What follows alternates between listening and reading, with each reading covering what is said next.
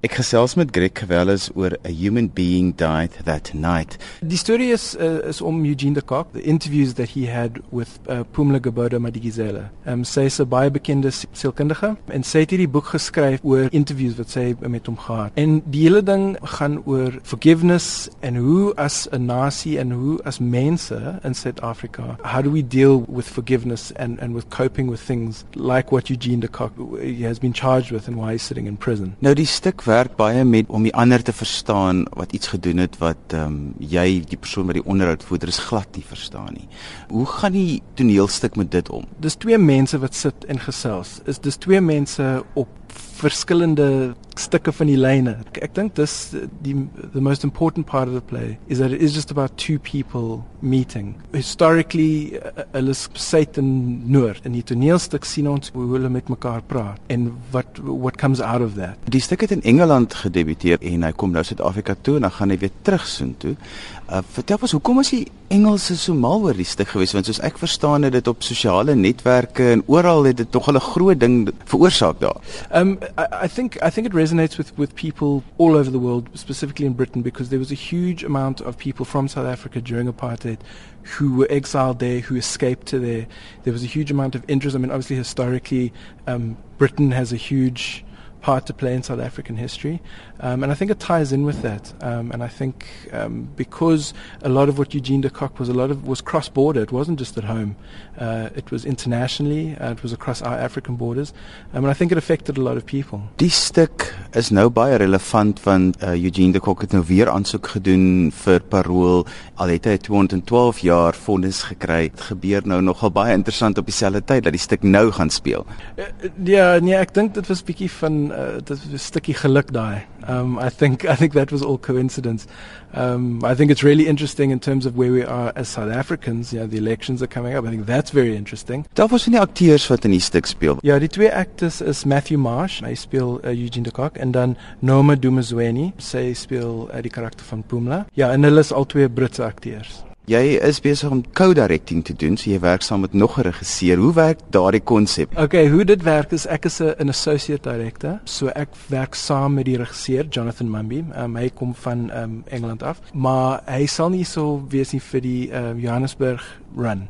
So ek sal uh, langsom werk by die Fugard en dan as ons Johannesburg toe gaan, dan sal ek oorvat en in dit stage and transplanted from the Fugard into the market theatre. Hoekom moet mense hierdie spesifieke stuk gaan kyk?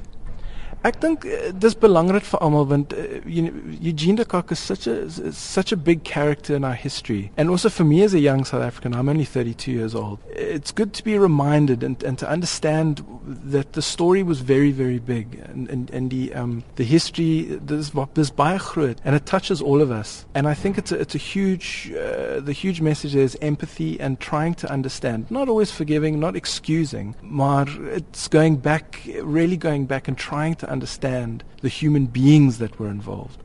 Um, not only the politics, not only the history, not only the, you know, but, but that there were people. I mean, lots and lots, and good and bad, and wrong and right, and things went both ways. Um, so I think it's it's it's a good uh, it's good for audiences to come and engage with that because we as a nation are still working that out. Hoe verskil die boek en die toneelstuk van mekaar. Die, die toneelstuk is gebaseer op die boek. Nicholas Wright, wie is die uh the playwright, um, hy het tyd met Pumla gespandeer. So hy hy he's taken a lot of the the nuances, some of the direct um interviews and and and words that that were spoken between Pumla and Eugene and obviously with a little bit of creative license to tell the story has created this play, has created the world. Ek wonder altyd hoekom 'n spesifieke toneelstuk oor 'n regisseur se pad.